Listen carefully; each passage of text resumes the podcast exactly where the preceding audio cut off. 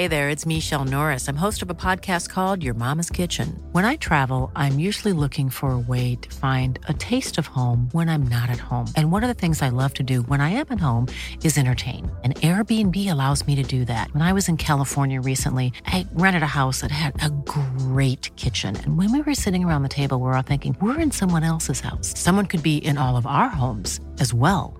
If you have a home, but you're not always at home, you have an Airbnb. Your home might be worth more than you think. Find out how much at airbnb.com/slash host. Då måste du ha hastighet. Och det är därför du kastar längre om du kastar, har en hög hastighet. För har du en dålig acceleration, vilket 99% av alla som tycker att de kastar för kort har. Det sitter inte med deras teknik, det sitter att de har för dålig, dålig hastighet. Från 0 till 100 alltså. Alltså om du tänker att de ska ju, de ska ju förflytta massan, alltså när de går, alltså när de ska, om man tänker på att förflytta massan i en standstill, det är förflytta massan härifrån till dit. Och då ska de ju accelerera. Mm. Men accelerationen är för dålig, då får du ingen hast, sluthastighet. Alltså det är som att sätta sig i en Fiat Punto med fem hästar. Du kan ju gasa plattan i mattan. Det händer ju ingenting. Buh. Och det är ju samma sak när du ska kasta så får du ingen hastighet när, när du svingar iväg armen. Du får, för att accelerationen är för dålig. Och kraften är för dålig. Ja men då får du ju ingen effekt. Och då måste vi också säga att det finns andra bilmärken än Fiat, för vi är inte sponsrade av Fiat.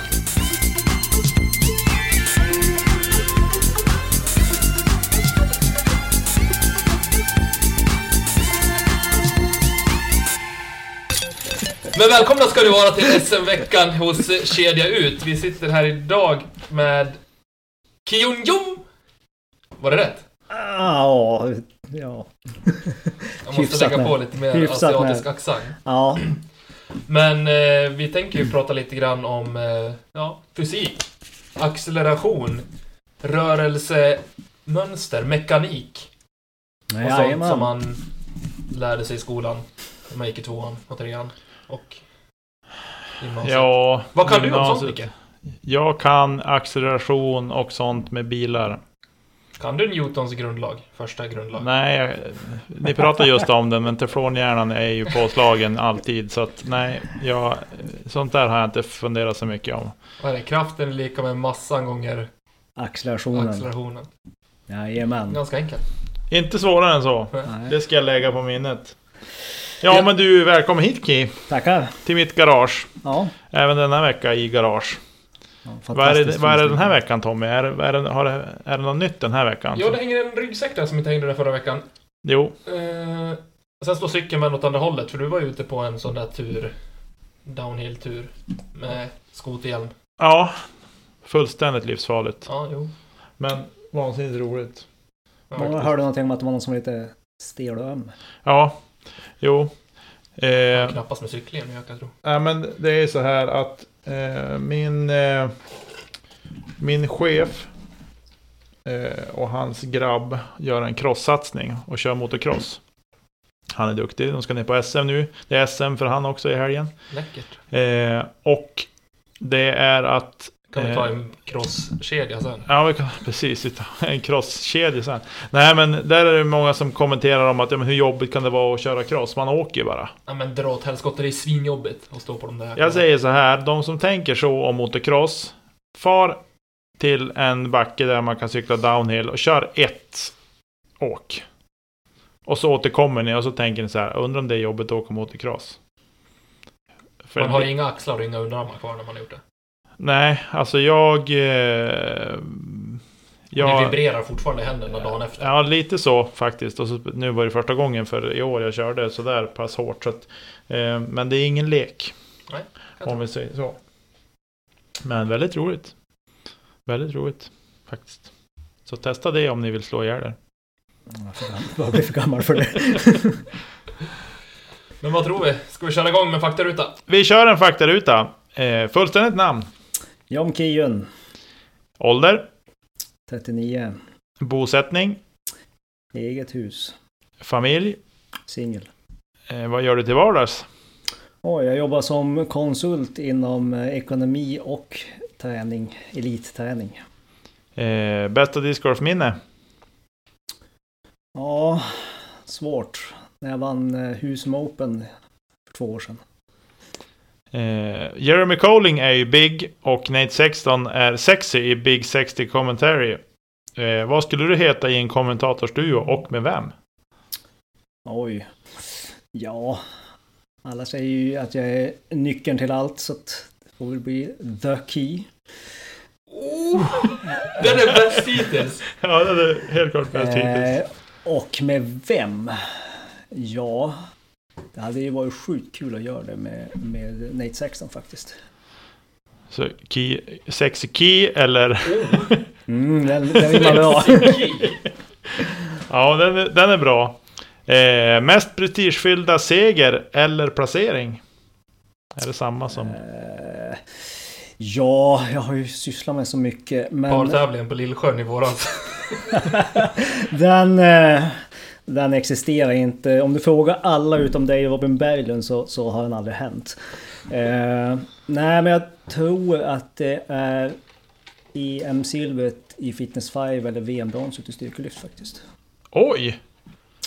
Ja, eh, det låter ju så skrytsamt men jag har ju haft förmånen att få representera tre olika landslag Ja. i taekwondo, i styrkelyft och i fitness 5. Vilka tre landslag då, om man får fråga? De jag nyss De räknade man upp. precis sa. Taekwondo, styrkelyft och fitness Fitness 5. 5. Han har gjort några curls i sitt liv. Ja. För många. Eh, då ska vi se vars vi är. Jo, om du bara fick ha en disk på en hel säsong, vilken skulle det vara? Egentligen ska man ju säga retas bara med Nicke och säga A2 men det... Det vet jag att du inte skulle välja. Ingen skulle välja det för en hel säsong. För en hel säsong? Nej men jag... jag känner mig ganska trygg i put putters så jag skulle nog kasta en, en eh, PA1 i 300 plasten. Eh, färgsorterad bag eller huller om buller? Vad tror du? Du sitter med en nörd som ska prata kraft och mekanik snart. Det är klart den är färgkodad. Eh, favoritspelare? Inte Simon Lesoth. Nej, då blir vi ovänner då resten av programmet. Nej, favoritspelare. Ehm. Oj, jag är ju tekniknörd så jag gillar ju deras stilarena. Så det är ju svårt att inte säga Paul Macbeth. Men, men jag skulle nog säga en, en tjej faktiskt som jag tycker är faktiskt estetiskt bra teknik. Eh, hon var ju med faktiskt nu på feature card och lead card i senaste tävlingen. Eh, Valerie Mandushano. Mm. Eh, favoritbana? Svårt att inte säga Järva där. Det förstår jag. Favorithål? Jag vet inte vilket nummer det är, men Top of the World på Järva. Eh, 14, 14. tycker jag när jag har man pratat når om ju tidigare. aldrig fram. Men man måste ju alltid gå för det. Ja. Eh, favorittävling eller event att titta på? European Open, Någon speciell bana? Sankt Bernhard? Vad heter den? Sankt The Beast, Det visst. The Beast? Nokia. Nokia? Vad heter den? Vad he- Nej, Sankt Bernhard. Vad heter den? Sankt... Som Ferdinand. Frans Ferdinand. Frans Ferdinand Jag heter den. Conor. Det är Pister. Sankt Bernhard, är inte en hundras? Jag tycker European Open eh, kanske inte är den roligaste banan, men hela, hela inramningen är, gör den speciell. Verkligen. Men, Finnarna är ju speciella. Jag håller med. Eh, Brody Smith. Bra eller anus? Vi pratade om det där, jag och Tommy, och jag är ju gammal, eh, ja, inte så gammal, men tillräckligt gammal för det här med elitidrott. Och hur det var förut när man sökte sponsring och sånt. Nu får man ju tyvärr spons genom att vara ja, känd på sociala medier. Mm. På gott och ont, jag säger absolut ingenting om alla influencers och sådana, de gör ett, ett jobb som ligger i tiden. Men, men eh, tyvärr tycker jag är att det kan ta bort fokus från de som faktiskt satsar. Om jag kollar på, på OS-atleter och idrottare där, de har jättesvårt att få ekonomin att gå runt för att sponsringen försvinner. Så på, på, på det rent sportsliga planet tycker jag Brody Smith kanske ligger lite fel, men det är min åsikt. Men ur det kommersiella planet så ligger han ju helt rätt. Och Mm. eh, det är såklart positivt för discgolfen. Mm. Eh, borde discgolfen ha en striktare klädkod? Ja. Det kunde jag ana faktiskt. Eh, vad skulle discgolf kunna klara sig utan enligt dig? Ja... Signaturdiskar. Nej, discgolfen tycker jag väl nu när det är så pass ändå fram, fram, liksom sport på framåtmarsch. Det är att de, de behöver liksom sätta sig ner och, och tydliggöra kanske både regelverk och framtidsplan lite mer. För att just nu så är det väldigt amerikanskt. Allting centrerar kring Amerika och det blev väldigt tydligt också med den här tråkiga pandemin att man utgick från vad det amerikanska Folkhälsoinstitutet sa och det påverkade ja, hela övriga världen också. Ehm, Eh, så min önskan är att det, ja, visst det är störst, fortfarande störst i USA men sporten, sporten växer ju i övriga världen också. Ja. Eh, ditt drömlag, två damer och två herrar? Herrar, ja. Då skulle jag nog ta Seppe Paju. Han är väl en, en av mina favoriter i alla fall. Eh, och eh, sen skulle jag nog ta en svensk faktiskt och ta Robin Willman. Mm. Av herrarna. På damsidan så skulle jag ta... Oj, svårare. Lycke Sandvik är ju en uppstickare som jag skulle vilja se mer av. Dels för att hon är nordbo. Och sen eh, skulle jag ta... Någon tråkig. Jag skulle ta Valerie faktiskt, som jag nämnde tidigare. Mm. Eh, om du för en kväll fick äta middag och splitta några buteljer med valfri person, levande eller död, vem skulle det vara? Måste vara en verklig person eller skulle vara kan, kan man ta en fiktiv person? Eh, ja, vill man ta Bamse eller Skarman så... Skarman skulle jag vilja träffa. Nej, jag är ju så här tråkigt nördig.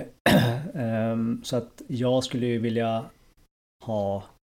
Ja, alla ser kanske inte på serien Criminal Minds, men, men eh, det finns en karaktär där som heter Dr. Reed och han är ju supersavant med ett eidetic memory. Eh, det är väl det närmaste man kommer till fotografiskt minne. Supergeni. Eh, jag tror att eh, vi skulle kunna lösa många världsproblem tillsammans. Ja. Eh, det var faktarutan. Eh, och jag vill hoppa tillbaka lite grann till Brody Smith. Eh, för jag tror att det är inte så många som vet vad han faktiskt åstadkom innan. Eh, i hans precis. idrottsliga karriär. ju- Jag tror att folk har liksom att han har varit med.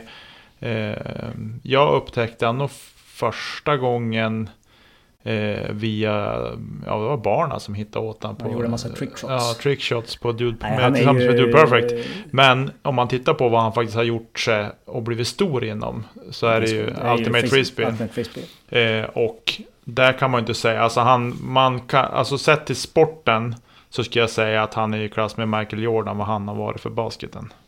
Ja, helt klart. Eh, På det, så vis. det är väldigt Men det var ett han har- förtydligande ja, för, för lyssnarna, inte för att klanka ner på vad du sa, utan mer bara ett förtydligande. För jag tror inte det är så många som har så stor koll på vad han faktiskt, mer än att de har fattat att ja, han spelar Ultimate. Men gå och kolla lite highlights med Brody på Ultimate så blir man... Nej, alla, vi, alla i USA, och som har lite koll på Facebook-sporten, han är väl en levande legend nästan Ja. inom eh, frisbee, Ultimate Frisbee. Så att, absolut, helt rätt. Man ska inte ta det ifrån honom. Så att han har ju självklart eh, förtjänat en väg in. Ja, Och jag vet att jag har sett mycket om det här med att ja, men, han blir sponsrad av Discraft. Men man måste också, man får inte glömma att Discraft har gjort en ganska tuff satsning inom Ultimate också. jo.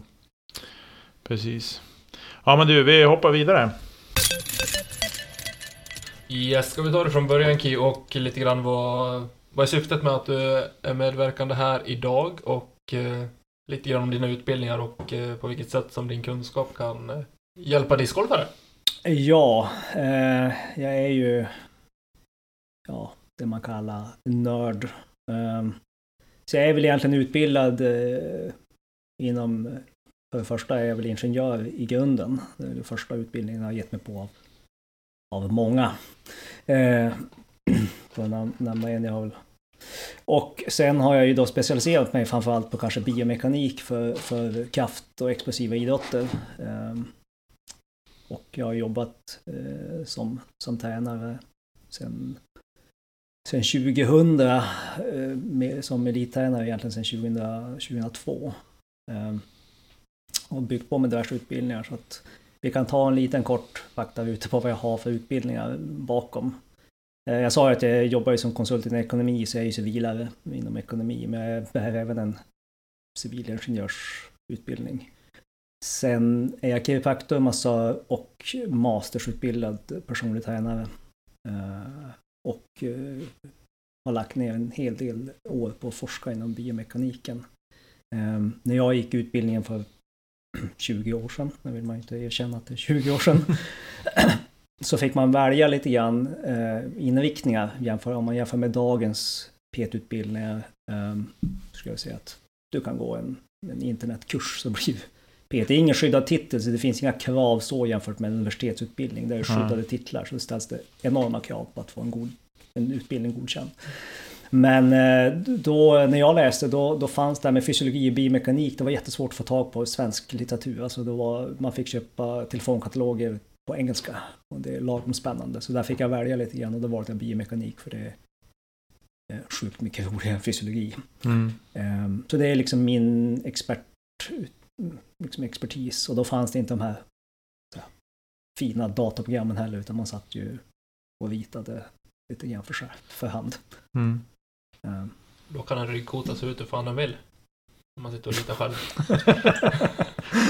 Jo, det är ju sånt jag tänker på när jag inte har något att göra. Nu ska jag rita en ryggkota. Som jag själv vill. Ja, 3D-printers fanns inte på den tiden. Nej. Men det är väl det lite Men vad tror vi just om att applicera det här i discgolfen? På det vi tänker, vi pratar lite teknik. Eh, vad som kan hjälpa discgolfare. Vad, om man säger, vilka fel är det liksom du ser mest? Alltså i diskussionsforum och så vidare ser eller läser eller och, och hör till och med också. Den vanligaste frågan som dyker upp med jämna mellanrum det är hur man ska kunna kasta längre. Eh, det är ju såklart mycket roligare att kasta långt än att kunna putta konsekvent. Det är ingen i den här podden som har frågat efter. Nej, nästan ingenting alls. Nej, men eh, och jag, jag kollar väldigt mycket på, på proffsens discgolf clinics och, och vad folk skriver och man man försöker uppfinna hjulet lite grann. Eh, om man kollar på andra sporter så, så finns det väldigt mycket eh, vetenskap framtagen. Eh, och, och, om vi tar liksom ganska nära sporter, om man tar golf, tennis och till exempel baseball. Då pratar man om i golf om, om, om klubbhuvudets svinghastighet. Och i tennis då talar man alltså om rackethuvudets hastighet i en serve. Och då man vet att världsrekordet i serve på tennis det är 250 km i timmen.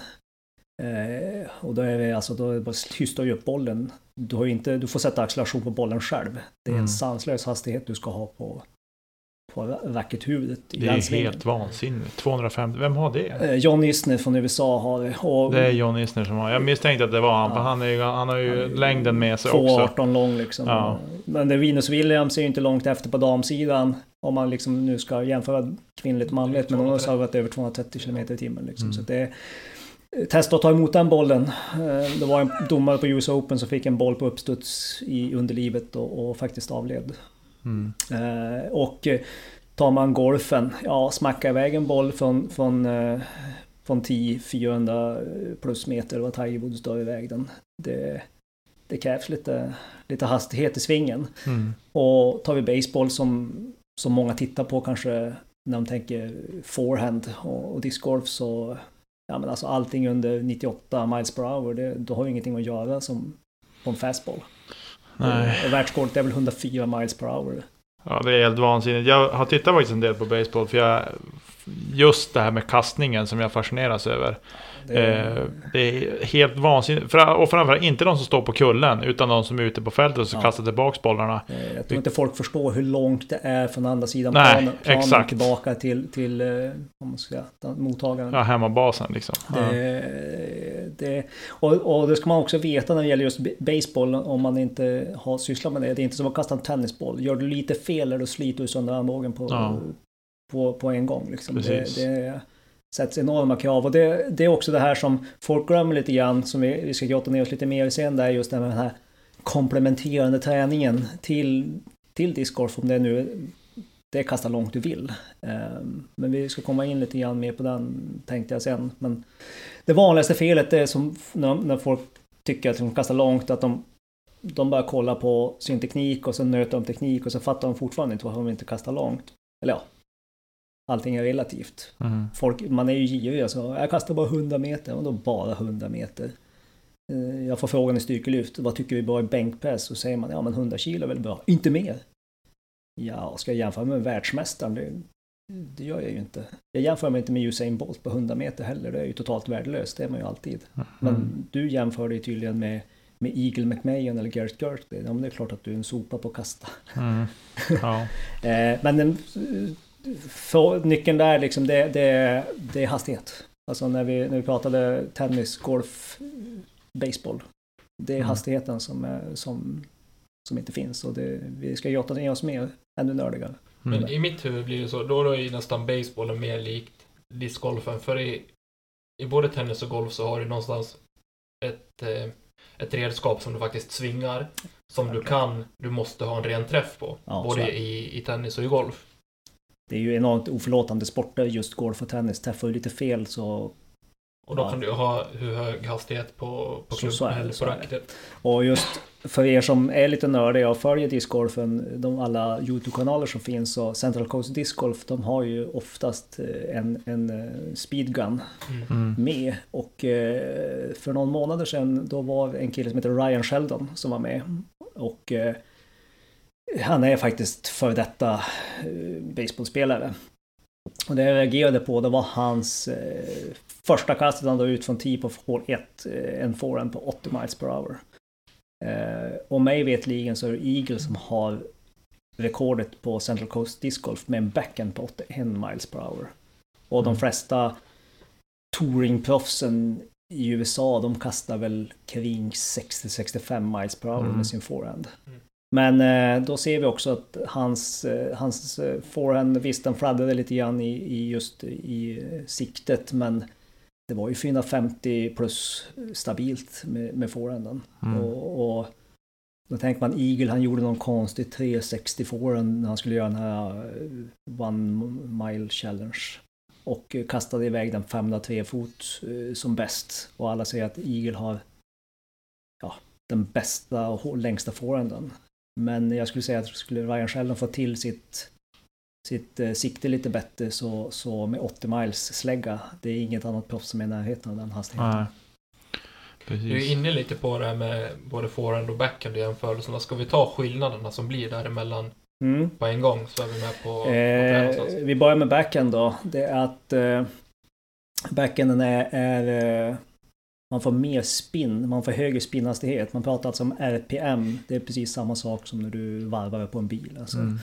Eh, och då är det också lättare att få högre hastighet på den. Och det har också lite grann med hur du håller disken och vilka vinklar du kan, du kan lägga på, på nosvinkeln i, i en backhand. I forehand så har du däremot ett högre vridmoment, alltså torque. Eh, men du har ett lägre RPM. Och det, det ser man också för att eh, om du tittar på de flesta forehands så har du ett, ett wobble på disken när du släpper Mm. till forehand. Och det är just därför att den har lägre RPM i släppet. Eh, och alla diskar wobblar när du släpper den oavsett. För den, det, det tänker en gyro. Du spinner igång en gyro och den kommer att wobbla lite grann och så får den upp farten. Så rätar den upp sig. Så Mm. när den tappar farten då börjar den wobbla igen. Och det är exakt likadant med en disk. Eh, om du inte har någon konstig utskjutare som sätter mm, liksom, flera hundra varv i sekunden på den i starten så kommer den att wobbla. Mm. Det, det, sen kan man minska det där med ett rent släpp och sådär. Men det är skillnaden med forehand och backhand. Det är, är antalet RPM och att du får mer vridmoment i en forehand. Eh, och sen kan man jobba med det där förstås för att det ska vara mer Mm. lik. Men det är också därför du sällan kommer längre. För du, om man tar en dieselbil har ju ett högre vridmoment än en bensinbil. Men varvstoppet kommer också tidigare. Mm. Så att du måste ha enormt mycket kraft i en forehand för att få ut samma längd. För att ja, den, den slutar, varvstoppet kommer tidigare. Så man kan tänka så här alltså. Forehand är dieselbil och eh, backhand är bensinbil. Ja, om man vill göra en sån liknelse lite lättare. Bra. Otroligt intressant. Det är saker som man, man liksom så här. inte jättesvårt att förstå tycker jag, men saker man aldrig har funderat kring. Nej, det blir ju lite grann så här när man är nör, nördig som jag, jag så sitter man och tittar på helt andra detaljer när man kollar på, på proffsen när de, när de kastar och drivar. Eh, och vad är det som gör att den ene kastar längre än den andra. Eh, folk vill gärna snöa in sig på att han har långa armar eller han har den och den fysiken eller de förutsättningarna. Och, och visst, genetiken eh, den spelar roll. Mm. Eh, miljö och arv. Eh, och i dagens forskning så säger man att vill du bli riktigt bra på någonting ska du ha 100% miljö och 100% arv. Eh, förr i tiden sa man 50-50. Mm. Eh, Du får ha hur mycket bra gener som helst men ger du den inte rätt miljö så kommer det inte bli någonting i alla fall. Ja. Precis. Ja. Nicke är ju mycket inne på det här, men han vill ju lära sig att kasta längre. Mm. Och om man säger huvuddelen, det som jag fattar nu, är acceleration. Mm. Från start till släpp. Precis. Eh, vi nämnde den här Newtons första rörelselag. Ja, det är, det är kraften. Här gäller det att göra skillnad på vad som är kraft och styrka. Det är skilda saker. Eh, kraft F i fysiken är produkten av massan gånger accelerationen. Och då när man, om vi tar nu varför man tar en ansats i discgolf och varför man generellt sett kastar längre i ansats. Det är för att, ja, ni har ju läst grundskolans eh, fysik och ni vet att energi den kan inte förbrukas, den kan bara omvandlas. Man kan inte skapa energi men däremot kan man omvandla den. Så när jag börjar ta mina steg då har jag ju börjat omvandla energin. Och jag har börjat skapa en kraft i form av att jag flyttar en massa och ska accelerera. Kroppen i det här fallet då. Precis. Så att när jag sätter ner mitt sista steg i ansatsen för en högerhänt backhandkastare så är det ju höger fot som sätts ner sist. Då ska alltså jag då ha etablerat en kraft och därifrån ska jag accelerera. Och varför man inte kommer så långt som man kanske vill. Ja, självklart så kan vi prata tekniska varianser. Eh, Men det är svårt när man inte kan visa eller när man kan peka på. Då behöver man se en viss person och se att ja, men du behöver göra det här. Men proffsen pratar mycket om att det ska vara en rak reachback och så vidare och så vidare. Och folk fokuserar på det. Ja men vad, vad Du kan göra allt där rätt. Du kan ha en jättefin reachback, du kan ha en jättemjuk och, och, och följsam rörelse ändå tycker du att du kastar för kort. Fram en, en, en speedgun skulle vi se att det finns ingen hastighet. För det är just där, nu har jag satt igång accelerationen gånger massan. Mm. Men det kanske inte blir någon hastighet i alla fall. Då är vi tillbaka till den där skrotbilen på 50 hästar. Du får ju trycka plattan i mattan. Det blir ingen acceleration om du jämför med en Formel 1-bil. Mm. Eh, så att din utgångshastighet när du släpper disken, den hastigheten kanske är helt enkelt för låg. Eller den är mest oerhört lägre än vad du tror. För att Mm. du tar i kung och fosterland och då har du missuppfattat det här med kraft och styrka. För du, du kanske musklar iväg den. Oftast så gör man något grymtande ljud eh, likt en kulstötare när man ska tycka att man ska kasta långt och sen skänkar man den till en thrower 50 meter framför sig för att man överroterar. Mm. Och det har ingenting med kraft och acceleration att göra. Du har ju bara använt ren råstyrka. Mm. Eh, och då ska vi snacka styrka. Ja, då är vi inne på power, det som vi kallar power. Och då är det bara att säga så här, hur mycket, det tar tid att utveckla. Styrka, styrka power, det tar tid att utveckla. Mm. Det, eh, vi tar ett exempel som går att greppa. Usain Bolt har sprungit 100 meter på, på 9.58. Han tar 41 steg på, på 100 meter. Mm. Det är alltså... Och sen ska du räkna då hur länge för hans fötter var i marken. För att han ska hinna springa på 9.58. Hans fötter får barkontakt i någon hundradel. Mm. Och för att han ska kunna springa 45 km i timmen lite knappt som han gör så måste han trycka ifrån med 200 kilo ungefär i varje fotnedsättning. På en hundradel. Om du tar en vanlig badrumsvåg, nyper fast den mellan händerna så här. Så säger jag åt dig så här, nyp allt du kan i en tiondel sekund. Kommer upp i 2-3 kilo. Mm. Så säger jag åt dig så här, nyp allt du kan i 10 sekunder. Du kommer nypa upp den i 120 kanske. Men det är för att du tar tid. Du kommer se att pilen på nålen på vågen liksom, den kommer sakta öka medan du nyper för du får, ta, du får ta i över tid. Mm. Och det är samma sak i där. Du har inte, du har inte tid att stå där och ladda i, i 15 sekunder när du ska kasta iväg en disk. Du får ingen hastighet. Det, utan kolla din, din arm speed. Om du, om du har en speedgun eller något det behöver inte vara någon jättedyr, men du får i alla fall en fingervisning på hur, hur, hur snabb din arm speed är. Och hur får man då arm speed? Och det är det här som, som jag tycker är tråkigt när jag kollar på, på clinics på proffs. Eh, de fokuserar väldigt mycket på att du ska ha en rak reachback, du ska ha mjuka för samma steg. Ja, det är en detalj att tänka på, men inget av det där kommer ge, ge att du kastar snabbare. Eh, Allting sitter i höfterna. Och när jag kollar på, på discgolf clinics eller klipp eh, på både proffs och amatörer så ser man enorm skillnad på vilken utväxling de har höfterna. Och då vill jag nämna kanske eh, det, det, det proffs som jag, jag tycker har bäst teknik som jag tycker att det här, kolla på honom när ni, när ni kollar i slow motion, eller en tjej också för den delen, två tjejer. Jag var, nämnde ju Valerie Manduciano. Mm. Hon, eh, hon kastar inte så långt och det var för att hon har för dålig utväxling men tekniskt sett så, så, eh, så är det för mig egentligen kanske den bästa tekniken i FPO-proffsen. Jag kollar väldigt mycket på Page Pierce och inget ont om henne, hon kastar väldigt långt. Eh, Men hon sprider också diskarna lite grann. För det är väldigt mycket muskling i hennes teknik. Eh, vilket gör att hon, hon överroterar lite nu och då. Eh, och jag gråter lite grann stilla inombords varje gång jag ser henne sätta ner sitt sista steg för att hon överextenderar sitt knä. Eh, och jag väntar bara på att det där knät ska poppa. Eh, det ser inte skönt ut. Eh, och på här sidan skulle jag säga faktiskt att vi har en svensk och det är Robin Willman. Jag har kollat, eh, brutit ner hans teknik ganska mycket.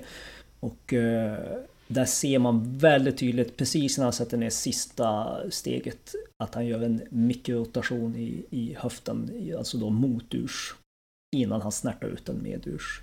Det syns väldigt tydligt på, på just Robin Willmans eh, backhandteknik. Och då ser det inte så mycket ut, det ser inte ut som han tar i. Hans reachback är inte lång, alla pratar som tjatar att du ska ha en lång reachback. Glöm det, du kan ha en kort reachback. Kolla på Seppo Pajo, han har en halv reachback jämfört med Simon Ja, jag tänkte komma till det. Seppo kastar ju skitlångt och har ju nästan ingen reachback alls. Men Seppo Pajo har en liten annan teknik. Han har en skip, skip eh, X-step istället för Robin Willman har ju ett säga, klassiskt X-step. Mm. Men båda två, om man, om man vill ta sig tid och, och se på dem i slow motion så, så syns det väldigt, väldigt tydligt eh, vad de gör med höfterna.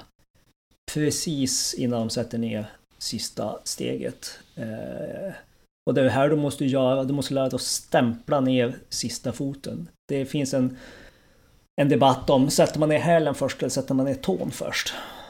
Och vad som är rätt eller fel är viktigt.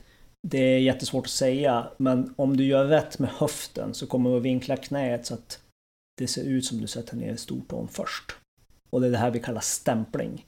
Eh, eller jag kallar stämpling. Du, du sätter ner, du kommer att vrida höften så att dina knän egentligen pekar mot varandra. Ditt högra knä vinklas in och pekar rakt mot ditt vänstra knä. Och det gör att det blir en lätt böjning och då kommer tån per automatik vara längre ner eller närmare marken än vad hälen kommer att vara. Och när du sätter ner tån, då stämplar man ner hälen precis som man ska trycka på en knapp med hälen. Och det är där man då har etablerat kraften som vi pratade om. Och sen ska höften därifrån, i och med att du har gjort en motursrörelse med höften, så har du all möjlig tid i världen där att ha gett dig själv sängutrymme för att hinna rotera höften och klara av att rotera höften tillräckligt lång i rörelse för att du ska kunna få ut Mm. den där kraften i, i en acceleration och hastighet. Eh, då har jag en fråga här, när vi är just inne på det här med clinics. Jag tycker ju att Will Schusterick har en fantastiskt fin teknik. Mm. Alltså ögonmässigt sett. Mm. Och jag är ju långt ifrån någon, eh, har någon kunskap i det här på samma sätt som du har. Eh, vad tycker du om hans teknik? Oj. ehm, Det är svårt nu kanske inte man inte har något färskt, att man har tittat på honom i färskt sådär. Men jag tycker att det har sett otroligt bra ut. Shoestick ska man ju veta att han har ju lagt ner enormt mycket tid på sin drive. han eh, kastade ju sönder sin axel. Han gjorde inte annat, han kunde ju stå och driva eh, 300 drives om dagen liksom. Mm. Därför drog han sönder sin axel. Och det, återigen, vi kommer tillbaka med komplementerande träning. Eh, Shoestricks, ska jag säga, Heise, till Heise Flip. Eh, nu är han ju lite utdaterad, tyvärr.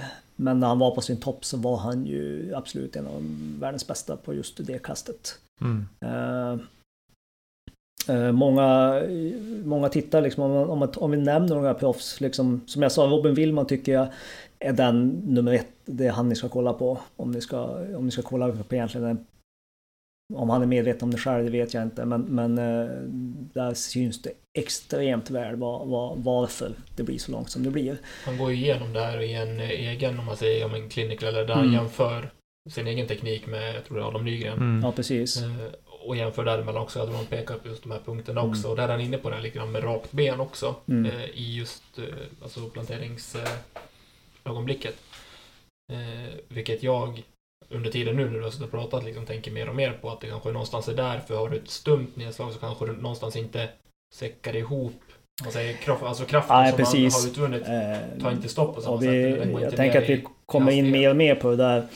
För vi fick en fråga från Elina Rydberg om vad man som tjejer kunde tänka på för att få ut mer konsekvent längd. Och det gäller förstås inte bara tjejer men även killar. Men vi, vi kommer tillbaka till, till den komplementerande träningen. Eh, varför det blir som det blir. Men, men eh, Robin, eh, Robin, Robin Willman verkar ju helt klart medveten om varför han får det resultat han får. Och han ska ju säga att han tillhör de som kastar längst i, i Sverige. Och som du säger, otroligt lugnt och liksom försiktigt. Ja, det är det, väldigt mjuk och fin teknik och därför gör det, blir det också extremt lätt att se honom. Jag har suttit och kollat mycket på Seppo Pajo med hans skip, skip X-step och, och eh, där blir ju en del spolar fram och tillbaka för att man ska kunna se de där små mikrodetaljerna som, som han gör. Eh, för han kastar ju också väldigt, väldigt långt. mm. Ska man då till exempel ta en som ja, Lisotte eller Eagle så, så ska jag säga att det Lisotte eh, syns det ganska väl på. Nu ska man också veta att Lisotte har ju gått så långt så han har opererat knät en gång. Mm. Av förklarliga skäl och det ska jag också återkomma till och eh, just det här med skador. Hur, jag, vad, jag, vad jag tror om framtiden. Mm.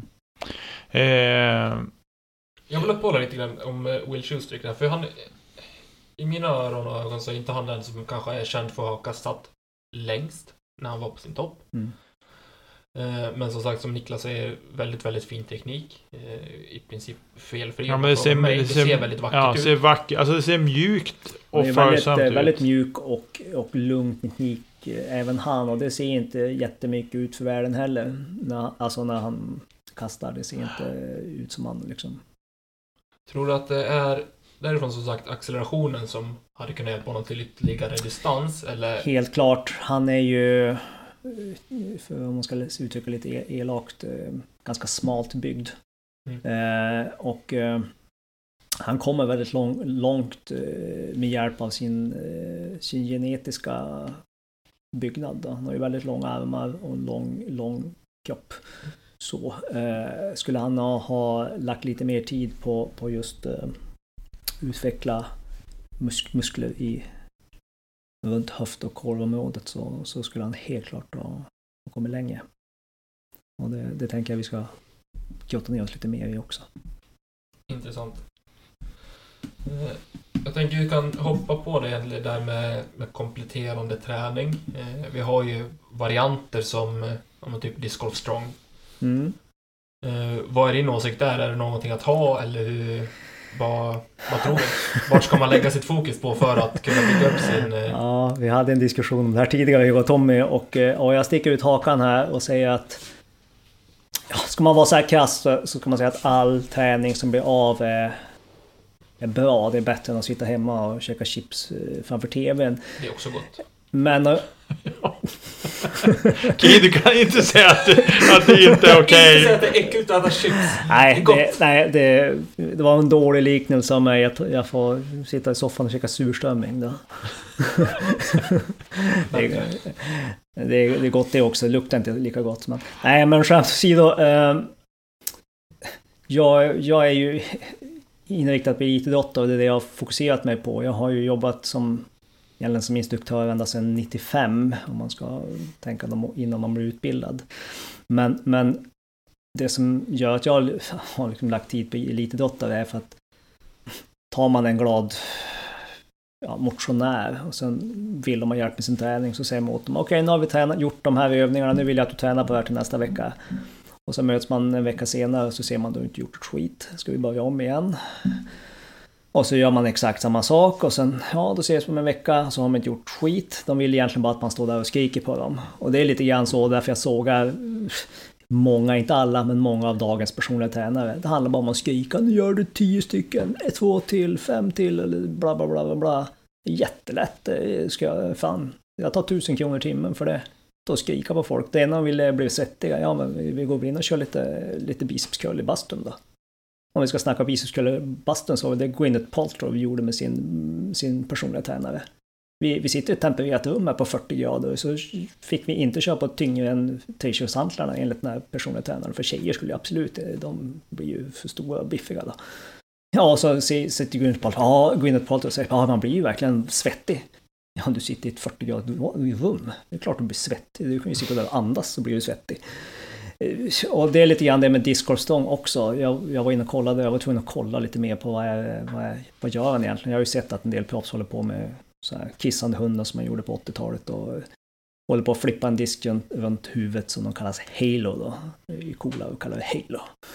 Eh, och eh, så gör de lite plankan och sidplankan och såna här grejer. Så, ja, svårt att säga, säga något, jag tycker det är trams om man är på elit, elitnivå.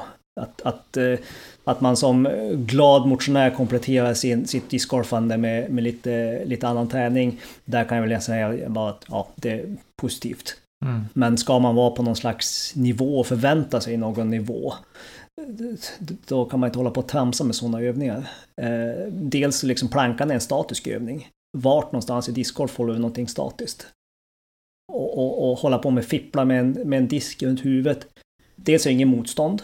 Eh, dels borde den här eh, Settmansi, tror jag han heter. Nu låter det som att jag har en sån här eh, maktretorik, men det är verkligen inte meningen. Jag, jag har inte full koll på vad han heter, men Mansi tror jag han heter i efternamn i alla fall. Eh, det borde han veta, han påstår ju själv att han har tio års erfarenhet eh, av träning. Att så fort du lyfter axeln, eller armarna ovanför axelnivå så klämmer du fast eh, bicepssenan. Eh, håller du då på att rotera axlarna så klämmer du överarmshuvudet mellan nyckelbenets eh, utskott och, och skrapa lite fint på den där bicepssenan. Så nu och snurrar den där eh, disken runt huvudet några varv så då kommer du att skrapa sönder din bicepssena istället vilket gör att det kommer att göra förbannat ont varje gång du lyfter armen ovanför axelhöjd. Eh, ren och skär idioti skulle jag säga. Eh, det får man lära sig liksom första veckan på en seriös PT-utbildning att undvika övningar ovanför huvudet eh, mer än pressövningar kanske. Men hålla på och veva i cirkulär rörelse ovanför huvudet, det, det är bara dumheter. Eh, det var en sågning utan like, men jag kan, jag kan inte hålla mig riktigt för att jag vet att många snackar om honom och att han är någon slags guru där borta. Men det är det här som också är problemet med discgolf, för jag och Tommy pratade lite grann om det här, att discgolf är... Alla säger att det är en ung sport, men jag vet inte, den har funnits i 40 år snart. Eh, varför ska man uppfinna hjulet? All kunskap och vetenskap kring kost och träning finns. Jag och Tommy sa, jag sa till Tommy på vägen hit att ja, jag såg Ricky Wysocki sitta och smutta på en kollagendrink som att det skulle liksom vara något häftigt. Och så sa vi det som att kollagen det är ju till för håret eh, eller för om man har rynkig hy. Det är ingenting som kommer hjälpa din muskeltillväxt i alla fall. Det finns det gott med forskning. Ja, det, det är inget nytt men inom discgolfen så är det liksom, ja nu ska jag inte äta gluten. Oh, ska vi ta den debatten? Jag Varf tror inte. Varför då? Nej. Om du inte har celiaki så, så, så, så är du mest troligt inte intolerant mot gluten heller. Det var ord och inga visor det. Lite sånt vi kan behöva. Ja, det tycker jag. Nej, men jag, tycker att det, alltså, jag tycker att det är jättebra. Vi, det, vi bor i ett fritt land, för i Hälsingland är det någon som tycker att jag har eh, helt fel och är dum i huvudet så är det helt okej. Okay. Men jag sticker ut hakan och... och... Men det är någonstans så skapar det, att det, även om man, man behöver inte vara överens. Eh, det är viktigt, tror jag, är att man någonstans kan skapa och hålla en sund diskussion kring det. För oavsett om vi pratar träning, pratar vi kost, pratar vi cyklar eller slalomskidor eller vad som helst, så kommer aldrig någon, eller aldrig kommer alla tycka lika. Nej, det vore ju Eller väldigt... tro på samma sak. Nej, Alltså, Nej, men det är, nej, så är det ju. du kan- Självklart. Du kan alltid sitta och, och vända och vrida på forskning och, och tolka den på olika sätt. Det är typ därför forskningen finns, för att du måste Ja. kunna tolka den på något sätt. Precis. Eh, och väljer man då att tolka på ett sätt, ja men då är det svårt att, att ändra den åsikten. Eh, är det hos någon. Sen är det rätt eller fel, ja det får stå för en själv i så fall oavsett vad, vad man tycker. ja, men sen är det ju också, jag tänker så här att det är superviktigt att folk även då testar att gå sin egen väg. Men frågar man om hjälp, om man skulle fråga Ki i det här fallet Mm. om någonting, då kanske man måste vara beredd på att han kanske kommer att säga saker till mig nu som jag inte känner mig överens med. Men han är ändå proffs på det här, eller liksom. Mm. Eh, Och välutbildad och allt vad det är. Då måste man liksom tänka, okej, ja men jag har haft fel. Jag får lita på det här han säger och testa det då i sådana fall. Annat än att man liksom bara, nej men det stämmer inte. Jag har hört att det här är så bra. Proffsen är ju så duktiga. Eh, jag vet inte hur länge han har hållit på med Discord Strong och jag har aldrig, jag har sett reklamen, aldrig tittat något mer på det förhuvudtaget så. Så att jag har liksom, jag har ingen större åsikt om det. Jag har hört vad Tommy har sagt, nu har jag hört vad Kia har sagt. Eh, så. Men det jag tycker är viktigt, det är bara att folk måste någonstans landa i att välj din egen väg. Det vi säger här i podden, det är en sak. Det är ingen vetenskapsbok eller något sånt, utan det är liksom, vi diskuterar saker. Eh, men jag tycker att det är det måste finnas motpoler till saker. För blir saker och ting en någon sorts eh, vad ska man säga, discgolf-bibel.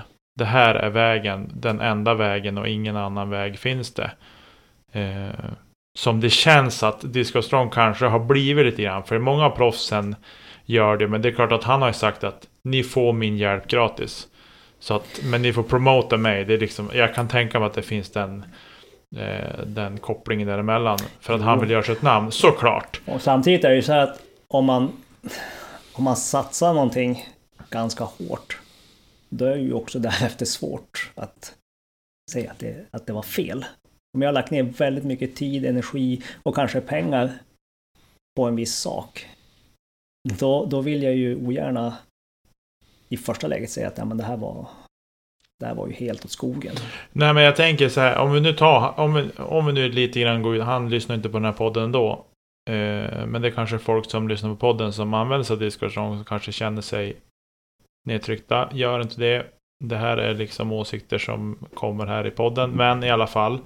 Eh, jag tänker att alla de här proffsen som nu eh, vad ska jag har anlitat honom. Eller hur det nu ser ut.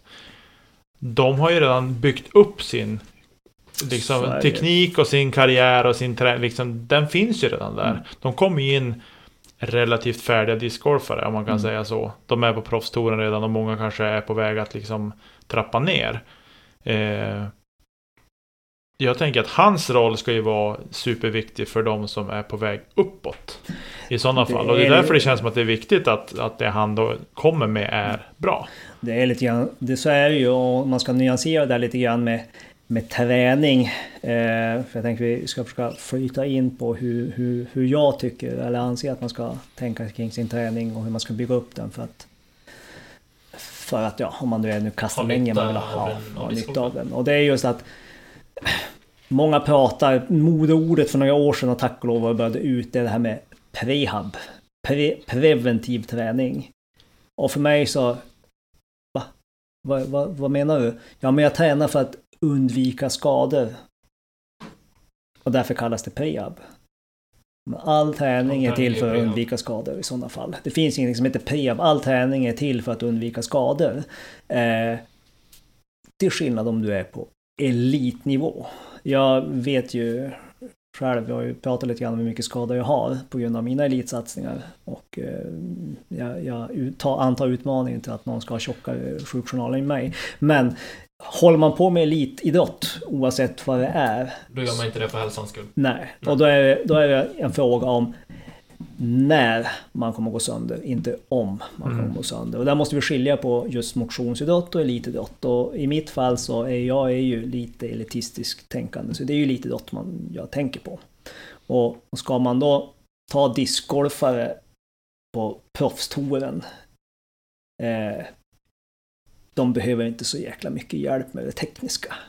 Roger Federer är en av världens bästa tennisspelare genom tiderna. Han har inte haft en tennistränare, teknisk tennistränare på kanske tio år. Av den anledningen att han, han kan så mycket tennis, han säger det själv. Ja. Och ska du komma och säga till Macbeth bara du, jag tyckte att lillfingret pekade lite snett där när du kastade din backhand där, du skärp dig. Han kan så pass mycket av det där. Och det här är också lite grann det, det som också är problemet, att idag finns det så mycket andra hjälpmedel. När jag började jobba fanns inte, kunde man inte filma och, och kolla i slow motion direkt efter och se ja, hur såg det här ut. Då var man tvungen att ja, lära sig känna sin kropp. Mm. Man var tvungen att, när man bestämde sig, det här är, tycker jag, om man har ett mindset när man gör någonting. Tänk igenom först, vad, så här vill jag att det ska se ut. Så här ska det kännas. Sen när jag kliver upp på 10-plattan, om det är det jag ska göra en drive, då är huvudet tomt. Du ska inte behöva tänka en millisekund på vad du ska göra, det ska du veta när du kliver upp. Och sen ska du då gå ut i ett helikopterläge, där du ser dig själv utifrån. Och så gör du det du har tänkt. Bang, ut och driva. Och sen när du har drivat, då spolar jag upp, spelar upp den här filmen från helikopterläget. Överensstämmer den här verkligheten med det jag hade tänkt? Ja eller nej? Nej? Ah, Okej, då måste jag göra en mikrokorrigering till nästa försök. Och då gör jag den mikrokorrigeringen. Och så provar vi igen. Men varje gång jag kliver upp på plattan, då ska det inte finnas några tankar i huvudet. Huvudet ska, huvudet ska vara soptomt. Det ska inte finnas någonting. Oavsett om det är puttar eller drives. Bara du tänka, ja det blåser. Ja, hur, hur ska jag hålla handen? Ja men när hjärnspöken kommer, du kommer missa redan innan du ens har försökt. Mm. Du ska veta det där och det där är här som är skillnaden. När du har nött in det där tillräckligt många gånger, då är det där en automatik. Mekaniken sitter, muskelminnet sitter. Och då kommer de så här, ja men det är så kul så här, det här är klassiskt.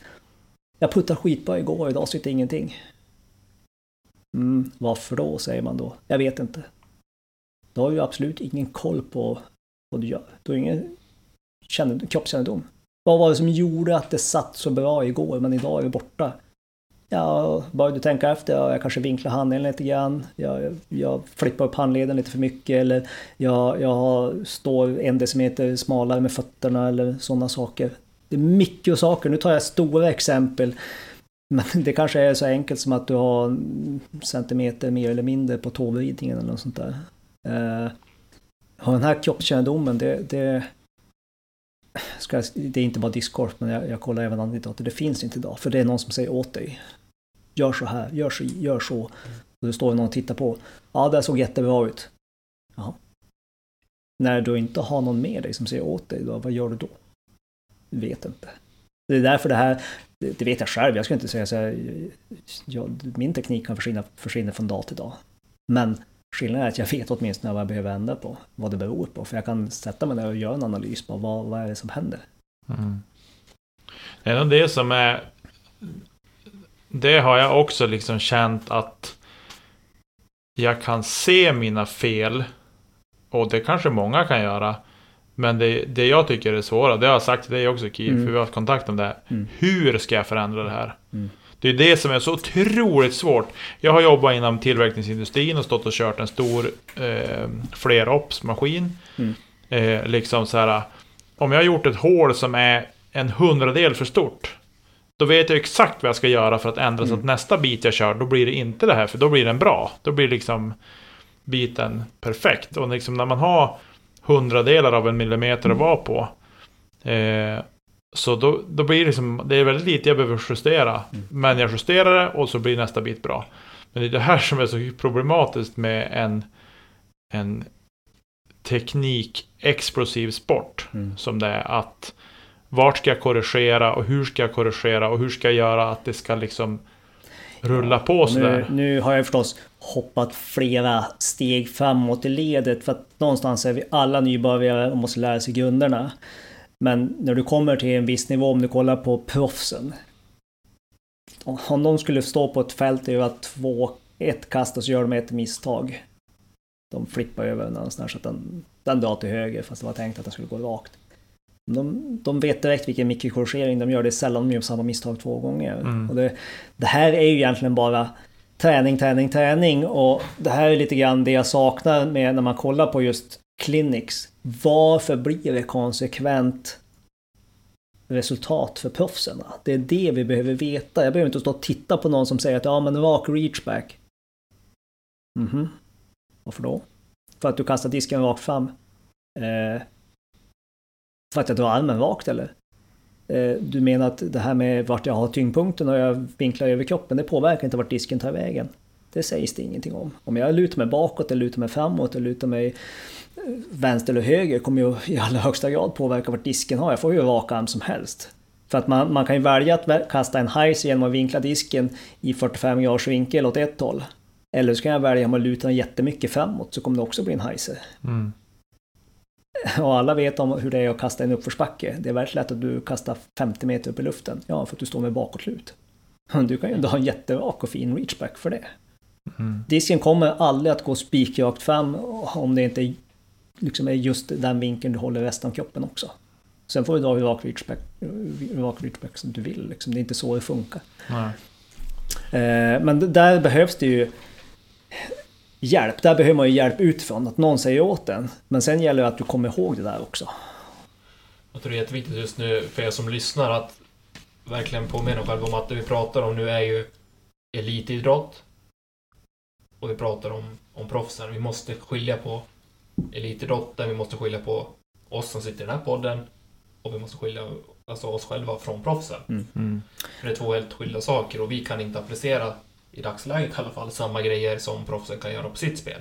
Nej. Så är det helt klart. Och, och, men det är det här som är, är problematiken. Att det finns väldigt många proffs som, som kastar väldigt bra. Men de kan inte förklara för en amatör att det är det här som gör att det blir konsekvent bra. Mm. Och det kollar vi på andra sporter och tänker alla bara, alla, många kan ju titta på mig som exempel. Jag är inget discgolfproffs. Jag har liksom 928 i rating, jag är ingen superspelare. Betyder det att jag är en dålig instruktör? Nej, jag kanske sitter på annan kunskap. Det är bara att kolla på vilken annan idrott som helst. Ta, ta ut eh, en fotbollstränare. Han kommer väl mest troligt bli bortdribblad om det är Messi vi pratar om. Men han kanske kan andra saker som, som gör att, att spelarna och laget går framåt. Eller gör det här en individuell idrott. Då. Jo, men så är det ju oftast. Eh, och det är det som jag tycker är det kluriga också när man som instruktör ska ha en grupp. Att ja, jag har fått frågan, hur långt kastar du? Mm. Och då är jag liksom skyndat mig att säga, ja men det är helt irrelevant Mm. hur långt jag kastar för er. Det spelar ingen roll om jag säger att jag kastar 200 meter, eller om jag kastar 100 meter, eller om jag kastar 70 meter. Det är helt irrelevant för er, för ni ska lära er de tekniska grunderna och förstå vad är det som gör att disken flyger på det sätt den gör nu. Och vad är det som kommer, vad är det vi gör för förändringar så att den kommer att flyga Mm. rakare och längre när vi är färdiga idag. Det är det som jag tycker är, är det svåra och då är det så här. Men hur kan du lära ut om du inte kastar längre själv? Det är, Det är en fråga som jag har fått. Mm. Och säga, ja men det är för att jag kan se saker som, som är tokiga och liksom... Och det där är, det där är en, en, en debatt och, eh, som man, man, man måste på något sätt undvika och döda för att det finns inga idrotter i världen där tränaren kommer att vara bättre än sin adept. Nej, inte kan In- ha varit. Zinedine Zidane varit, är ju så. kanske. Ja, jo, så är det ju. Zidane, men ta Zidane idag. Nej, idag är han ju helt borta. Eh, Kan Såklart. vi sopa banan med alla? Ja, nej men det, det, blir, det blir relativt liksom. Det är bara att ko- kolla på Kolla på friidrottarna liksom. Men alltså Ibland eh, kan man ju tänka att man kan den där tränaren Om han skulle hoppa stav nu, han skulle ju dö. Det kan ju vara liksom en 60 år, 60-plussare liksom. Eh, inget ont om 60-plussare så, men, men eh, Det Ja, betyder nej, inte, det betyder inte att han kan se andra detaljer eller ha andra kunskaper. För er som har sett eh, en, en gammal dokumentär som heter Medaljens baksida som handlar om det svenska friidrottsundret så, så, eh, så fann tränarna till bland annat Carolina Klüft och eh, systrarna Kallur. Han skulle ju visa eh, en metod som man hade använt för att de skulle bli sådär framstående. Och det är så komiskt när han gör det där. Det är ett explosivt hopp. När man kliver ner från en bräda så ska man hoppa rakt upp så fort det bara går. Och det är så kul när kameran är på. Eh, för man vet, om man vet av följt friidrotten så vet man att alla eh, de tre, Klyft och Kallur, de hade enorma problem med skador i skenbenen bland annat. Och sådär. Eh, På grund av det här hårda stamphoppet som de gör. Och den här tränaren, han, eh, han gör det där på kameran när, när de är där och filmar dokumentären. Det är det första han säger när han hoppar, aj som fan. Mm, det är så det känns för en vanlig människa att göra den här övningen. Mm. Men återigen till det här med, med instruktörer, att man kanske inte behöver kunna ut, alltså, utföra samma moment bättre än sin adept. Att, Nicke, du brukar alltid säga till mig, ja men lär mig kasta 120 meter, lär mig kasta 130 meter. Nej, Inte jag, kan, alltid. jag kan inte det. Nej, det men, var att ta i. för jag, jag vill jag bara kan försvara mig lite. För jag är otroligt dålig på att se detaljer, jag är otroligt dålig på, men otroligt dåligt pedagogiskt. Ja, jag vet vad jag själv gör, jag vet vad jag själv behöver göra för att men, kunna kasta lite längre. Mm. Men jag har otroligt svårt att lära ut det och få andra att förstå vad de behöver ändra på. Jag, jag ser inte det, de detaljerna hos någon annan. Ja, men jag tror att du kan- Johan Järv här, som är otroligt duktig ja. Johan är jätteduktig. är Ja, duktig på att kasta ja, absolut. Eh, och det jag vill komma till är att eh, det jag vill komma åt, det är ju nycklarna. Mm. För att låsa, alltså hur, hur gör man förändringarna? Det har jag pratat med dig om, jag har pratat med Anton Lind om, det har jag pratat med Johan Järv om, det har jag pratat med Robin Willman om det. Mm. Jag börjar känna så här snart att jag har, det finns jättemånga andra också man kan fråga, men jag börjar känna så här, ja, men det behöver ju för många kockar i den här, till den här soppan. Eh, och men någonstans är det ju det bästa svaret jag får det är att träning, träning, träning, träning och så lite mer träning. Mm. Jag ska, inte säga, jag ska inte säga vem det är, men jag har, det är det, liksom det, det tips jag har fått. Att ut och kasta. Men jag jag har inte ett problem att hitta ett fält och fara ut och kasta. Men jag vill inte åka ut och göra 200 kast kväll efter kväll efter kväll och göra konsekvent fel. Nej, och det här är vi, du kommer ta tillbaka, jag hatar uttrycket, många säger så här, men eh, practice makes perfect. Men det är ju skitsnack. Right practice makes Om du, om du tränar fel så kommer du att göra fel. perfekt fel när du är klar. Ja, precis. Det är det jag menar. Så att därför är det mer så Och det har gjort att dels såklart tid med Mm. tre ungar och allt med träningar och allt vad det innebär så är det att man har inte så mycket tid att fara ut och, och ha sin field practice heller. Men när jag då väl vill ta mig väg ut så vill jag ju att det blir kvalitet. Så är Liksom. det, kvalitet. det är bättre att lägga 20 minuter kvalitet än att stå i två timmar. Eh, på tal om tid, hur mycket tid har vi kvar? Jag tänkte vi hade ju några frågor. Kör! Nej men eh, vi kan, vi, vi kan ju återkomma till det Niklas. Jag har ju lovat att, att eh, jag ska ta en titt på det där och vi, jag pratar med Tommy. Det kanske blir en liten inspelning på en, en klinik med mig, med Nicke. Ja, det kan det bli. Det tycker jag. För jag tror att vi skulle behöva. Jag tror att, jag tror helt ärligt. Robins klinik.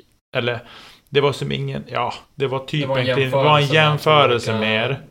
Ja, Eh, tekniker eller forms. Ja, och jag har ju sett Robin kasta live. Och blev otroligt fascinerad över just det här som du pratade om. Mm. Alltså utgångshastigheten. Eh, och jag har spelat med Anton också som kastar Mm. kanske längst i Sverige. Eh, som också har en ruggig utgångshastighet. Alltså det är Ja, som ett reaplan som ja. passerar när Och de... det här är grejen är att har man inte fått uppleva och se de här stora armarna live då förstår man inte skillnaden på deras utgångshastighet och ens egen. För själv tycker man men jag har bra utgångshastighet. Ja men ställ dig bredvid Anton Lind när han trycker på allt han, han har så står du liksom en meter bredvid och lyssnar på när, när disken Mm. släpper. Det, det är enorm skillnad mot för en, om man ska säga, vanlig dödlig. Och det här behöver man... Man behöver få det här i ansiktet för att man själv ska förstå hur långt man har kvar. Mm. Eh, eh, och därför tänker jag att liksom, vi har ju fått en del frågor och jag vet att Elina Rydberg, vi ska... Jag har inte glömt bort dig. Eh, men jag tänkte även att det, det kan vara bra att, att vi gör kanske en liten klinik med, med dig Nicke. Eh, som vi filmar, så får vi se lite grann vilken metodik jag tänker att man, man har när man närmar sig discgolfen jämfört med hur traditionella clinics eh, ser ut. Mm. Man ska vara lite fördomsfull. Ja, nej, men det låter jättebra. Jag är helt och hållet beredd att hänga ut mig själv, för det är det det kommer att bli. Eh, men det, jag gör det så glatt för, för svenska, för, för discgolf Sverige helt enkelt. Eh, Jag tänker så här, vi pratade lite om träning, vi har sågat, eller vi har fått en sågning av kissande hunden och, och plankan och sådär. Men eh, jag tycker vi hoppar vidare till lite lyssnarfrågor. Elina kommer få vänta lite ytterligare på, Mm. på sin. Eh, För vi har en annan eh, kille som har ställt en fråga här. Henrik Pamp har skrivit. Han skriver, jag funderar på lämpliga styrkeövningar som är lite mer specifikt inriktade mot discgolf. Mm. Ska vi börja med den? Ska vi ta den andra senare? Det kan vi ta. Eh, specifika övningar mot discgolf och där pratade jag och Tommy... Eh, Insulinpumpen. Jag och Tommy pratade om det här på, i, i bilen på vägen hit, om det här med komplementerande träning och hur man ska tänka kring det. Och eh, olika, vad ska man säga, träningar som har kommit och gått, flugor som har kommit och gått och... och eh, ett tag så var det väldigt på modet att träningen man gjorde som komplement skulle vara så lik den idrott man höll på med. Och då, varför då? Det här är en komplementerande träning. Den gör du för komplement, som komplement i din huvudsakliga syssla. Du kollar ju på Charlotte Kalla. Ja, hon lägger ner enorma mängder tid på skidor. Det gör hon. Hon ligger nog på en total träningsmängd på mellan 8 till 900 timmar per år. Och det ska ni veta, det är en sanslös mängd timmar. Det är 20 timmars veckor det var på träning. Ehm, och jag vet själv när jag satsade som hår, hårdast eh, så låg jag på ett snitt på 30 timmar i veckan. Och eh, då ska det också till att man sköter sin sömn och sin kost. Annars går det inte. Mm. Eh, Har man inte tid med så mycket annat sen? nej, men jag levde ju, levde ju för det då liksom. Så att, eh, och så hade jag eget företag redan då så att eh, det gick att styra mycket. Men, men det man ska tänka när man tänker komplementerande träning, liksom, är det nu discgolf vi ska hålla på med? Då, då finns det en del roliga övningar man har sett på gymmet där man, där man gör ansatsstegen som man gör i discgolf tillsammans med ett gummiband eller någon rolig vikt eller något annat motstånd. Och säga varför då? Det här kommer inte att hjälpa dig att bli bättre på din ansats eller bättre i din timing i, i kastet. Det gör du när du står och gör din fältträning, då tränar du discgolf. När du tänker komplementerande träning, i det här fallet frågan kring styrketräning, då är det hur kan jag förbättra min fysik för att dels jag ska hålla ihop. Det här är en explosiv idrott vi håller på med. Så att jag vet inget illa om dig Anton Lind, jag vet att du springer väldigt mycket. Eh, men att springa, alltså lång distans, det är ju direkt motsatsen till det vi håller på med. Explosivitet. Usain Bolt skulle få stora banner av sin tränare om han skulle sagt att han, jag var ute och sprang mer än 500 meter idag. Och vad gör du? Dum i huvudet. Eh, vi har någonting i kroppen som heter muskelfibrer. Eh, tre stycken olika versioner av dem. Typ 1 eh, som är uthålliga, mest i ryggen, postural muskulatur, den ska orka länge. Och så har vi typ 2 som är explosiv. Det vill säga när vi gör upphopp och sådana där sprinter. Och så har vi typ 2x som är hyperexplosiva. Och det är de vi vill åt. Och för att komma åt dem, ja, då måste vi träna superexplosivt. Eh, och riktade övningar så, ja, discgolf, det finns rotationsövningar man kan göra försiktigt i en kabelmaskin. Alltså, försiktigt menar jag inte att du ska göra det långsamt, men du ska vara försiktig när du roterar ryggen. Eh, för att det är höfterna som, återigen, det är höfterna som ska sköta jobbet. Börjar man rycka med axlar och rygg, hej skade. Eh, men sen är det hyperexplosiva övningar och då kan man göra två varianter av det. Antingen så kör man tungt, då kommer vikten att röra sig långsamt. Men i och med att det är tungt så måste du ta i allt du har. Med inställning att jag ska flytta 200 kilo jättefort. Det kommer inte röra sig fort, men musklerna kommer jobba som att det vore fort. Mm. Eh, eller så kan man ta en lättare vikt och så rör det sig faktiskt fort. Eh, kolla på eh, Kajsa Bergqvist, hon gjorde eh, grunda knäböj på 200 kilo. Och för er som vet hur Kajsa Bergqvist ser ut så var det ingen jättegrov tös vi pratade om, utan hon var ganska smalhöjd hopperska. Mm. pallade 200 kilo. Det small ganska bra när hon klev upp med det. Christian Olsson, en av världens bästa 36-hoppare. Han är väl två meter lång och väger väl ungefär 50 kilo. ja, han är, ja, ni kan googla honom ni som är yngre och inte vet vem det är. Men han var stor tidigt 2000-tal.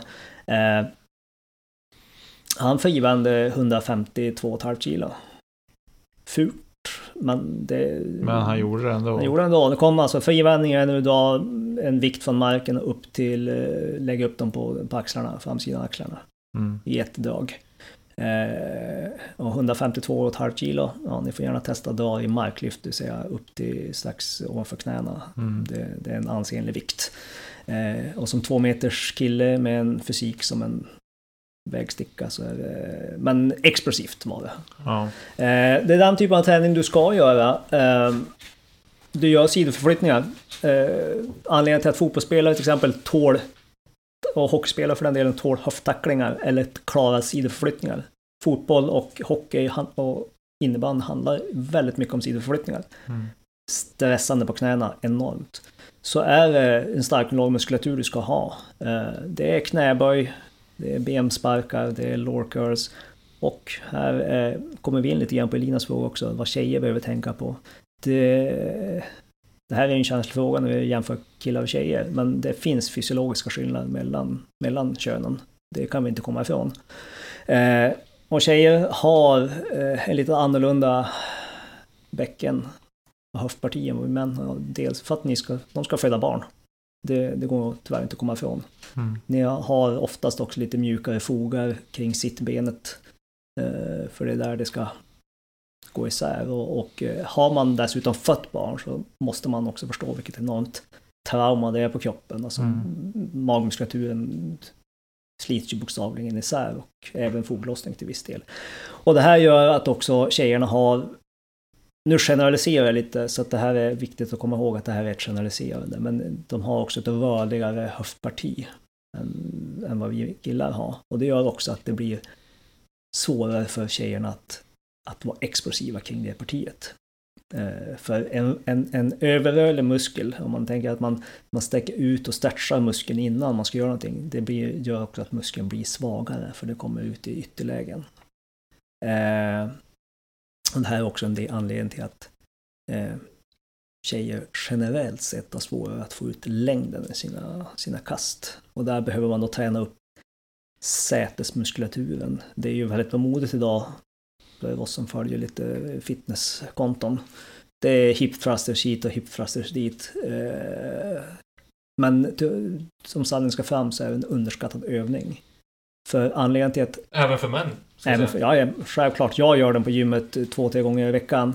Eh, Mycket som följer med discgolfen är knäproblem. Vi sa sa att Lesotho opererat knät och det är för att man är för instabil i, knä, i knät. Och då tänker alla, hur gör, hur gör, varför, varför faller knät inåt? Det är det absolut vanligaste. Det är för att du är för svag i sätesmuskeln. Och nu ska vi vara lite nördiga och dela upp gluteus maximus, den enskilt största muskeln på hela kroppen. Det är bara en stor klump. Alla andra muskler delas upp. Eh, så har vi gluteus medius, det vill säga sittbenet. Och när den är svag, då faller knät inåt. Och när man börjar då stressa på knät väldigt mycket, ja, då köper man sig skador ganska fort. Så att eh, där behöver man träna sätet och egentligen hela lårmuskulaturen. Så att när man ska gå in i gymmet och tänka att nu ska jag komplettera det här mot discgolfen. Det är, det är basövningar som gäller. Det är, men kanske lite mer explosiva åt det explosiva hållet. Eh, upphopp. Explosiva upphopp. Sprintstarter och då snackar vi kanske 30 meter max. Mm. Smack ska vi säga. Och då, då ska det smälla. Och... Eh, och... Eh, Jag slutade ju med fotboll och hockey på grund av det här, att det var jobbigt. Får sluta med discgolf också. Eh, och ska vi prata skador, om man ska just ta den här med, med, med min, min, jag fick delvis lite rätt, jag ska inte säga att jag är glad över det, men för, för ett och ett halvt år sedan då sa jag att nästa sak inom discgolfen det kommer att vara skador. Och eh, Drew Gibson fick ju en ruptur på hälsenan, Nate Sexton fick eh, en inklämning i axeln, eh, det var diverse armbågs och handledsskador. Och det går inte att komma ifrån när vi håller på med en explosiv kastidrott. Att ligamenterna tar enormt mycket stryk. Och det ser de som kommenterar när Eagle McMahon drar sin forehand. Mm. Det ser ut som han drar armbågen eh, ur led och lite till. Och till er som tror att han är så där rörlig, nej han är inte så där rörlig om man skulle säga åt dem kan du böja bak armbågen så där mycket. Utan det där är kraften hans ligament och leder utsätts för när han vänder rörelsen med höften. Det kommer Mm. att bli en eftersläpning i armen vilket gör att armen böjs ännu mer längre bakåt än vad man viljemässigt kan göra. Och det här kommer styrkan in. Eagle McMahon sa själv in i en forehand clinic att hur, hur hårt ska jag kasta en forehand? Så hårt som din handled tillåter. Och det här är problemet. När du tar i allt du har med din höft på rätt sätt och gör en full reachback i forehand. Då är det inte säkert att dina armbågsligament och, eh, kommer att palla med och axeln. Och därför är det också kanske lite vanligt att man får golf och tennisarmbåge och inklämning i axeln då man kastar väldigt mycket forehand. För att de klarar inte med Återigen, vi pratar om det här med vridmomentet i, i forehand. Det är ett högre vridmoment i forehand, därför är det också mer vanligt med armbågsskador och axelskador i forehand. Och vad gör man för att eh, när man väl har fått en tennisarmbåge? Ja, be till högre makter. Det är väldigt svårt att göra någonting åt det. Det finns en stretchövning, man sitter på knä Eh, och sätter handen eh, mellan benen så att fingrarna pekar in mellan benen och sen böjer man på armbågen där man har. Har man då en bra rörlighet i, i underarmen då ska armbågen ner i golvet. Eh, och det kan jag sätta min, min högerhand på att 99% inte klarar. Har man inklämning i axeln, ja den bästa övningen till det är när man väl har fått det, häng fritt i ett räcke och låt axeln hänga ut. Gör det under 10 minuter totalt under ett vakna dygnet så hoppas man att det släpper utan att man behöver göra en operation i axeln. Det är det man kan göra åt golftennisarmbåge och, och Impingement. impingement som det heter i axeln. Mm. Ehm, ja. Men sen är det här, det här styrketräningen till för. Eh, Det är till för att din kropp ska hålla ihop för discgolfen. Och är det nu så att du vill kasta längre så måste du också tänka eh, prestation i gymmet. Det går inte att, att tänka att ja, men det här, nu ska jag lalla omkring här en, stund också. Eh, ta lite selfies och, och dricka en proteindrink. Det kan man också göra. Men man måste träna hårt också. Ja, Jag kan tänka mig att det finns ett gäng sådana. Jag, jag går inte på gym så, så att jag kan tänka mig att det är lite fördomsfullt. Men men, men det här är också min, min, min nästa framtidsutsikt. Det är att nästa generations discgolfare, där kommer fysiken att, att vara ännu mer avgörande. För att tar vi till exempel en kille som Eagle McMahon som är ja, smal. Men kastar så otroligt långt som man gör. Eh, skulle man få, få sätta in honom i, i gymmet eh, ett år. Eh, lägga på honom 2-3 kilo bra muskelmassa. Eh, då... eh, Ja, det skulle vara lights out om man hade, fortfarande hade samma, samma kontroll.